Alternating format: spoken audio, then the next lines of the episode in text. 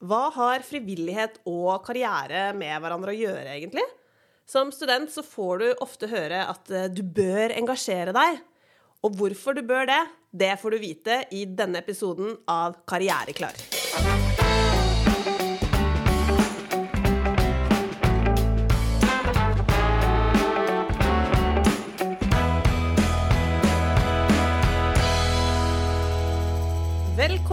Til Karriereklar, en podkast om utdanning og jobb og sånn. Mitt navn er Maria Gullseth Roaas, og jeg jobber til daglig som karriereveileder ved Bjørknes høgskole. Og med meg har jeg som vanlig min faste makker Thomas Rømstad. Ja. God dag, god dag. God dag, god dag.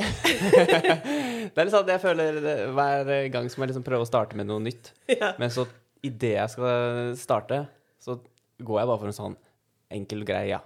Det er ikke noe vits å gjøre stort nummer ut av det, sånn som jeg gjorde nå. Nei, men uh, du kjørte en sånn formell versjon. God dag. God dag. Uh, Temaet i dag, Thomas, det er jo frivillighet. Ja. Har du noe erfaring med det? Ja, faktisk. Det vil jeg påstå at jeg har. Ja, Skal jeg bare fortelle dere litt om fortell om det, Thomas. Nå er jeg så nysgjerrig. Ja, nå skal du høre. Ja. Jeg har vært mye på leir fra Ja. når jeg var liten. Eh, Først som deltaker sjøl, og så i etterkant så fikk jeg lov å være leder og arrangere og planlegge og sånne ting. Og gjorde det veldig, veldig masse. Ja. Eh, så det var en sånn Det dreiv vi jo omtrent med, eh, den gjengen som var fra Porsgrunn på den tida der. Ja, og. Skien, da. Må nevne de òg. Ja. Shout-out til Skien. Eh, og der har jeg egentlig Altså, der var jo så å si alt frivillig. Og det var jo da å planlegge event for barn og unge. Eh, møter, konserter, ja. arrangementer. Ja. Det er rett og slett fostra opp uh, med frivillighet, du. Rett og slett. Ja. Rett og slett. Har du tatt med deg det engasjementet inn i voksenlivet også? I aller høyeste grad. Altså, jeg vil jo påstå at det er derfor jeg fikk jobb uh, her. Og fikk jobbe med det jeg jobber med, som er type innhold, filmer, produsere sånne type ting. Å ja. Ja, for det gjorde vi veldig masse av når vi skulle arrangere leir, da. Så lagde vi alltid liksom eh, Hvis du ser for deg påskenøtter, Ja. så laga vi liksom en versjon av det hver gang. Sånn at det kom en film med spørsmål på slutten, og neste møte igjen da, så kom svaret med et nytt spørsmål. Altså, Skjønner. Så veldig mye sånne type ting. Og vi var jo superamatører, men vi gjorde så mye at vi lærte jo til slutt av oss Du av blei god på det til slutt? Ja, vi blei visst det. Ja, sånn at da, hvis jeg da har forstått deg rett, så eh, var det fra din tid som frivillig at du skaffa deg den erfaringen som skulle til for å få den jobben som du har i dag? Ja. 100% Ikke dumt. Det er absolutt ikke dumt. Jeg er veldig, veldig fornøyd med det. ja, det skjønner jeg. Ja. Eh, men eh, hva med deg? Jo, jeg har også vært eh, ganske engasjert som student spesielt, kanskje. Jeg Ja. begynte ikke så tidlig som deg, altså. Det jeg Der er- har du virkelig Takk, men det er helt greit. Det Ja. er, det er, ikke alle kan. Der slo du meg! yes! I hvert fall én ting. Ja, men eh, ja, jeg har vært eh, veldig engasjert som student eh, med litt sånn forskjellige type, sånn forskjellige type ting. Mm. sånn gjennomføring av ulike festivaler og kulturarrangementer og sånn. Ja. Og ikke minst så når jeg starta på studiene i utviklingsstudier, så ble jeg engasjert i en bistandsorganisasjon som heter SAIH, Studentenes og akademikernes internasjonale hjelpefond. Prøv å si det tre ganger. Ja, si det tre ganger! SAIH. Ja. Eh, og det er jo en bistandsorganisasjon som jobber både eh, i Norge med informasjonsarbeid og internasjonalt med utdanningsbistand. da. ja. Så det var jo veldig tett knytta opp til det jeg studerte. I hvert fall liksom noen av temaområdene. Så sånn sett så var det en sånn super eh, erfaring, super periode i livet, hvor jeg kunne koble mye av det jeg lærte på studiene, med det jeg gjorde i, Ja. som frivillig i den bistandsorganisasjonen. bistandsorganisasjonen. Og det var jo faktisk også sånn at det åpna seg opp dører i den organisasjonen etter hvert også, som gjorde at jeg til slutt fikk eh, eh, betalt verv i organisasjonen. Så Ja. det var liksom min første, en av mine første relevante arbeidserfaringer. Jeg er jo fra, fra betalt arbeidserfaring er jo fra den organisasjonen også. ja. Det er jo helt skjevt, da. Så det betydde ganske mye for faktisk mi, min karriere, da, hvis jeg kan si det sånn. Både fordi at det ga meg ja, sånn sju års erfaring eh, med utdanningsbistand og det å arrangere masse forskjellige ting og ja, Mm. nettverksbygging og bla, bla, bla. Og så ble jeg veldig opptatt av utdanning. Og tilgang på utdanning, spesielt høyere utdanning. Eh, og det gjorde at jeg tok, valgte å ta den masteren jeg tok, som var en master i internasjonal utdanning. Ja. Ja, Så den liksom på en måte Ja. åpna opp eh, veldig sånn Den riktige døra for deg, da. Den riktige døra for meg. Ja. Og jeg er opptatt fortsatt en dag i dag av tilgang på eh, høyere utdanning og kvalifisering til arbeidslivet. Ja. Og det, liksom, det frøet ble sånn som, ja. som frivillig. ja. Back in the days. Herlig, da. altså, man må ikke ha en plan Nei. med det å være frivillig. Man kan på en måte bare hive seg ut i det, og så bare på en måte ta den muligheten som dukker opp. Ja. Det at jeg nå i retroperspektiv kan sitte her og si at det hadde betydning for de valgene jeg tok seinere, det var jo ikke noe jeg var bevisst når det sto på. Nei. Det er noe jeg ser i etterkant. Ja. Ikke sant? Det er samme med meg òg. Jeg syns det var gøy å holde på med. Og, men tenkte jo ikke liksom at det her gjør at jeg får en jobb seinere. Og det er et så viktig poeng, fordi jeg tenker at hvis du skal engasjere deg, så må du velge noe som du faktisk er litt interessert i. Noe som du er opptatt av. At du gjør det fordi du har en genuin interesse for det, og ikke Ja. fordi at du bare skal få det på CV-en, da. Nei. Ja, for det er sant. For hvis du da får den relevante jobberfaringa, og så skal du ha jobben, Ja. og så da, da blir du på en måte bare en jobb, da, hvis du egentlig ikke interesserer deg for det. Og da gjør du på en måte ikke jobben din egentlig så bra som du kanskje kunne gjort hvis du faktisk hadde en jobb som du interesserte deg for. Ja, ikke sant? Og så er det noe med det at du faktisk skal bruke fritida di på dette her. Ja. Så da bør det jo gjenspeiles i et sånn ekstra engasjement for saken eller det man gjør. Mm. Eh, og det kan jo være for egen vinning også, i form av at man lærer veldig mye av å være frivillig. Mm. Men først og fremst så bør man jo gjøre det fordi man ønsker å, å gjøre den innsatsen, ja. rett og slett. Ikke for å bare få den på CV-en. Det er en bonus. Mm. At du skaffer deg den erfaringen ja. som nettopp kan åpne dører, sånn som det gjorde for både deg og meg, egentlig. ja. Noen andre den har åpnet eh, dører for? Vi, for vi har jo med noen her i dag, eh, Maria. Ja, vet du hva? Vi har fått besøk av eh, Oslo Røde Kors. Oi. Ja, der kan man nemlig engasjere seg som frivillig. Ja. Det er utrolig hyggelig å ha med oss eh, Pia Jarmyr, som er leder for Enhet frivillighet i Oslo Røde Kors. Og så har vi med oss Anis, som er frivillig i et tilbud som heter Kors på halsen, som også er i Oslo Røde Kors.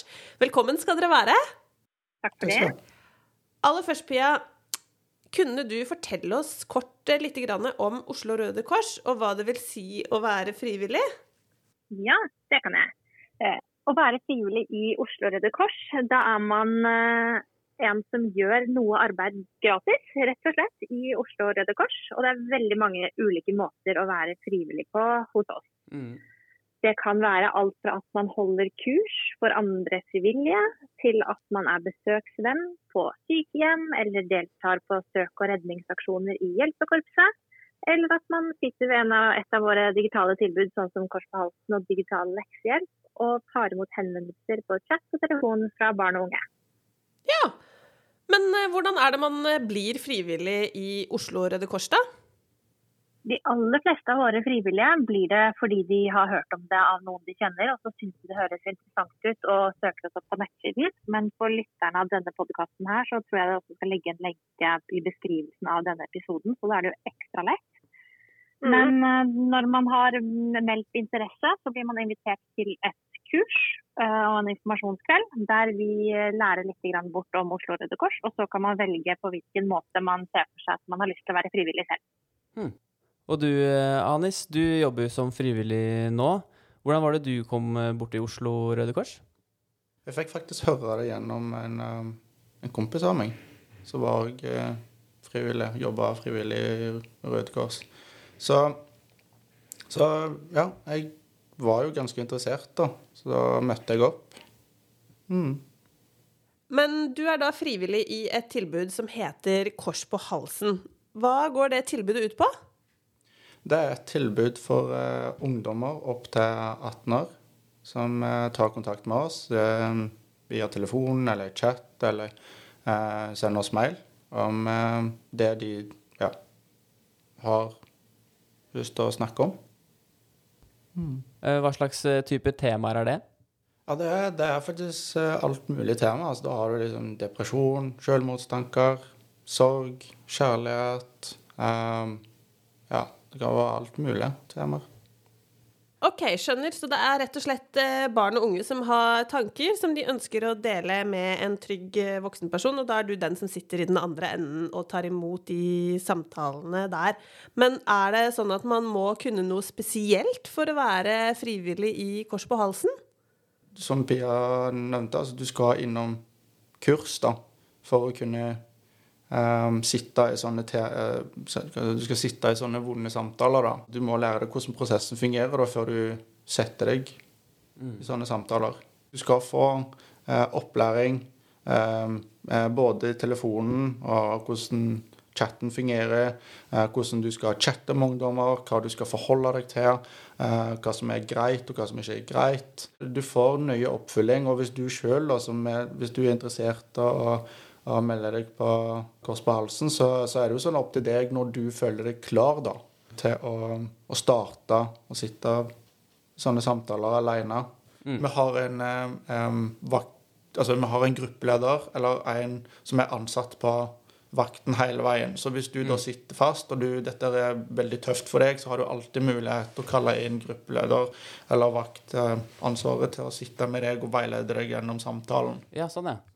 Ja, Så det er alltid noen med kompetanse som er på vakt sammen med deg? Og vi har noe som heter bakvakten, det vil si at det sitter alltid noen med telefon som er klar, da eventuelt som må ta kontakt til politi eller ambulansen. Og da er det jo selvfølgelig mitt ansvar å sitte sitter i den samtalen og sørger for at den ungdommen føler seg trygg, tatt imot, hørt, eh, tatt på alvor. Så er det sånn at hvis jeg får muligheten til å få mest mulig informasjon om hvordan ungdommen er, Mm. Hvordan ungdommen vil faktisk at vi skal ta kontakt til ambulansen eller politiet, eller noe, så, så har vi mulighet til å gjøre det òg.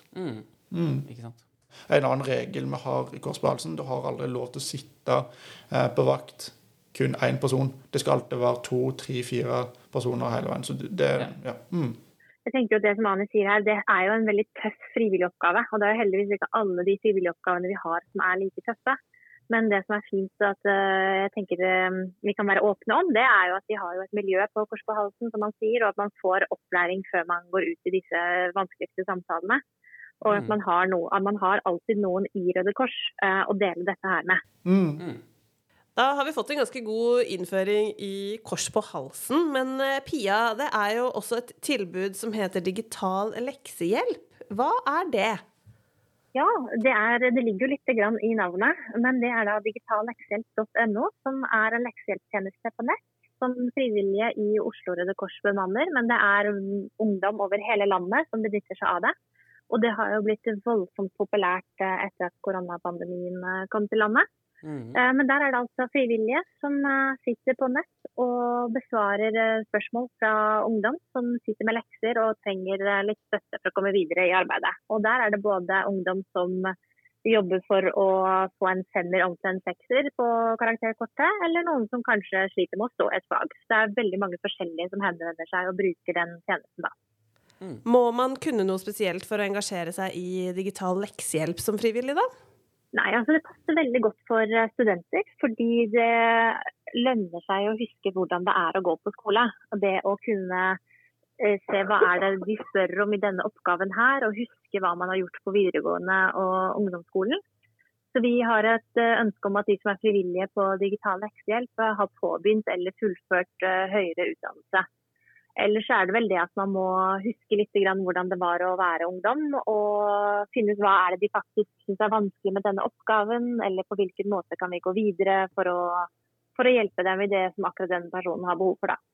Så dette passer jo f.eks. For, for lærerstudenter, men det passer jo også for realfagsstudenter eller andre som f.eks. internasjonale studier som eh, har mye kunnskap om historie og samfunnsfag og den type ting. Mm. Og så er det jo sånn at frivillige i digital leksehjelp velger selv hvilke fag de vil hjelpe til med. Når man logger seg på den digitale tjenesten, så eh, besvarer du bare fag som du er eh, komfortabel med å hjelpe til med selv. Så det er ikke sånn at eh, du plutselig sitter med en tredje klasse, en videregående klasse, tredje gym fysikk, hvis du egentlig bare liker fransk, da. Ja. Så her har vi behov for studenter og med kunnskap eh, om mange forskjellige ting, egentlig. Ja. Og så er jo vaktene bare to timer på digital leksehjelp. Så det er to timer i uka. Enten klokken eh, fem til sju eller sju til ni på kvelden. Mm. Um, så det lar seg fint kombinere med studier uh, i og med at ikke man bruker så veldig mye tid. Og så er det kanskje litt mindre tunge samtaler på digital leksehjelp enn det det er på, på, på, på. Har dere behov for frivillige nå? Ja, det har vi. Vi har jo behov for um, eh, frivillige egentlig i alle våre aktiviteter. Og spesielt disse digitale tilbudene har vi behov for mennesker nå. Fordi de har blitt veldig mye mer populære også under koronapandemien. Så vi tar inn nye frivillige fortløpende egentlig gjennom hele året. Men det er jo enda større behov nå enn det det pleier å være. Men eh, dette er jo en uh, karrierepodkast, så på hvilken måte tenker dere at eh, det å engasjere seg som frivillig kan være en fordel inn i arbeidslivet seinere? Jeg eh, jobber jo i Oslo Røde Kors og har personalansvar og er med på å ansette. Så det jeg ser når noen har vært eh, frivillig, det er jo at man, har, man kan ha med seg veldig mange erfaringer som er viktige mm, i arbeidslivet. For det første så tenker jeg at det sier noe om verdisynet ditt, eller eh, at du er et medmenneske da, når du velger å bruke din egen tid på å være til stede for andre mennesker. Og så tenker jeg at man kan få en del sånn praktisk erfaring med det å sjonglere flere baller, sånn som Ane sier også. At eh, um, man må passe på hva som man får tid til i hverdagen. Men en som har både hatt deltidsjobb og vært frivillig og studert og fått helt greie resultater, det sier jo noe om at denne personen kan ha flere baller i luften på en gang og kan prioritere. Og det er jo alltid viktig i arbeidslivet. Og så kan man jo få mye faglig eh, utbytte av det også. F.eks. som det ble nevnt eh, kors på halsen og er relevant for psykologistudiet. Men det er også um, mye annet innblikk man kan få som um, f.eks. det å bruke digitale løsninger i møte med ungdom. Det er jo relevant for folk som jobber innenfor IT f.eks. Eller um, ja, det, er, det er mange ting man kan ta med seg fra de ulike frivillige aktivitetene som man kan få nytte av både som person og som arbeidstaker senere i livet. Det er jo noe av det jeg ser på når jeg ansetter også. At man uh, har uh, interesse og engasjement. Og det kan man jo vise gjennom et frivillig verv. Så jeg vil absolutt si at det er ingenting negativt å ha frivillig verv på uh, CV-en sin. Heller tvert imot. På hvilken måte er Røde Kors avhengig av eh, frivillige? Vi er jo helt 100% avhengig av det frivillige. Det er jo en frivillig styrt organisasjon, så i styret vårt sitter det jo frivillige som tar alle de viktigste avgjørelsene for uh, Oslo Røde Kors. Og så er det jo alle aktivitetene som vi har ut mot uh, Oslos befolkning. De gjennomføres jo av frivillige. Og mange av de som benytter seg av våre tilbud, f.eks. Uh, leksehjelp, syns at det er en verdi at de som de treffer, gjør dette frivillig. Um, de syns at uh, kan, at man kanskje ikke føler seg like mye til bry hvis man stiller spørsmål eller noe sånt, fordi man skjønner at den som er der for å være til stede for deg, også gjør det av uh, interesse. Mm. Um, men vi har jo over 3600 frivillige i Oslo som er til stede for uh, folka i byen vår. Uh, og vi hadde jo absolutt ikke fått gjort dette eller vært til stede for så mange dersom det ikke var frivillige som gjennomførte disse oppgavene. Ja, så hva er det den frivillige får uh, utover nyttig erfaring som man kan ta med seg inn i arbeidslivet ved å være frivillig i Oslo Røde Kors? Vi har jo ulike typer uh, kurs uh, for frivillige. Både som går på det man skal gjøre i aktivitet, som også er relevant utenfor det å være frivillig. F.eks. kurs i presentasjonsteknikk eller førstehjelp. Det er jo ting som man kan få benyttet i veldig mange ulike deler av livet sitt. Mm. Og så har vi noe som heter gruppelederordning, som finnes i alle aktiviteter der frivillige kan få ledelseserfaring og utvikling innenfor det. Og så er det jo et sosialt miljø i de aller fleste av aktivitetene våre. Og der er man jo med på å legge premissene selv. Da. Det er jo mange som har blitt kjent og fått mange nye venner som er frivillige. og er frivillig nesten like mye fordi det er en stor del av deres sosiale liv. Mm. Um, mens andre får mest ut av det å bare komme og gjøre jobben sin uh, og gå hjem igjen, og det er også helt greit. For våre frivillige så er alt uh, gratis. Det skal ikke koste noe å være frivillig. Det du gir av, det er jo tiden din og det å være et medmenneske. Da har vi jo vært innom både digital leksehjelp og Kors på halsen som to tilbud man kan engasjere seg i i Oslo Røde Kors. Men det fins jo eh, andre tiltak man også kan engasjere seg i. Så hvordan er det man går frem for å velge? Man kan velge det som passer eh, sitt eget eh, interessefelt og kompetanse, og litt hvor mye tid man ønsker å bruke. Ja. Eh, og så finnes det jo litt forskjellige typer aktiviteter i de forskjellige, forskjellige Røde Kors-foreningene rundt omkring i Norge. da. Mm. Ja, det er Røde Kors-foreninger i nesten alle kommuner i Norge, hvis ikke alle. tror jeg. Såpass? Eh, Så det skal være mulig å engasjere seg uansett hvor man er. Men Røde Kors er det vi kaller en behovsstyrt organisasjon. Det vil si at det vi ønsker å hjelpe til med, det er de lokale behovene der vi er. Så Mm. i Oslo så er det jo en del andre behov enn det det kanskje er eh, i Finnmark. Ok, så hvis lytteren ønsker å engasjere seg i Kors på halsen eller digital leksehjelp nå, hva skal lytteren gjøre da? Da skal lytteren gå på beskrivelsen av podkasten og trykke på en lenke som er der, og Mhm. fylle ut en rask liten skjema, og så blir du kontaktet av Røde Kors innen veldig kort tid. Og da er du i gang. Og hvis man uh, må tenke litt og har lyst til å gjøre dette kanskje om et halvt år eller om ett år, så er det veldig lett å melde seg som frivillig på våre nettsider. Rodekors.no. Rø- Rødekors.no. Da må jeg bare si tusen hjertelig takk til deg, Pia, og takk til deg, Anis, for at dere har blitt med oss i denne episoden av Karriereklar, hvor vi da har snakka om eh, frivillighet, og hvordan man kan engasjere seg, og hvilken betydning det kan ha for den enkelte her og nå, men også inn i videre arbeidsliv. Tusen takk for at dere var med oss. Ja, jeg vil bare si tusen takk, tusen takk for at jeg fikk lov til å være med. Ja, takk for meg også, og takk til Anis, som gjør en strålende jobb som frivillig på Kors på. All right. Da, altså, jeg lærte jo innmari, Jeg pleier jo å lære innmari mye av det som skjer på denne podkasten her. Og nok en gang gjorde jeg det. Og jeg tenker jo også nå Jeg var jo psykologistudent og burde jo egentlig absolutt øh, vært frivillig, da. På Kors på halsen. Ja, altså, det hadde jo vært eh, superfaglig relevant. Ja, For deg, Thomas? Ja, veldig.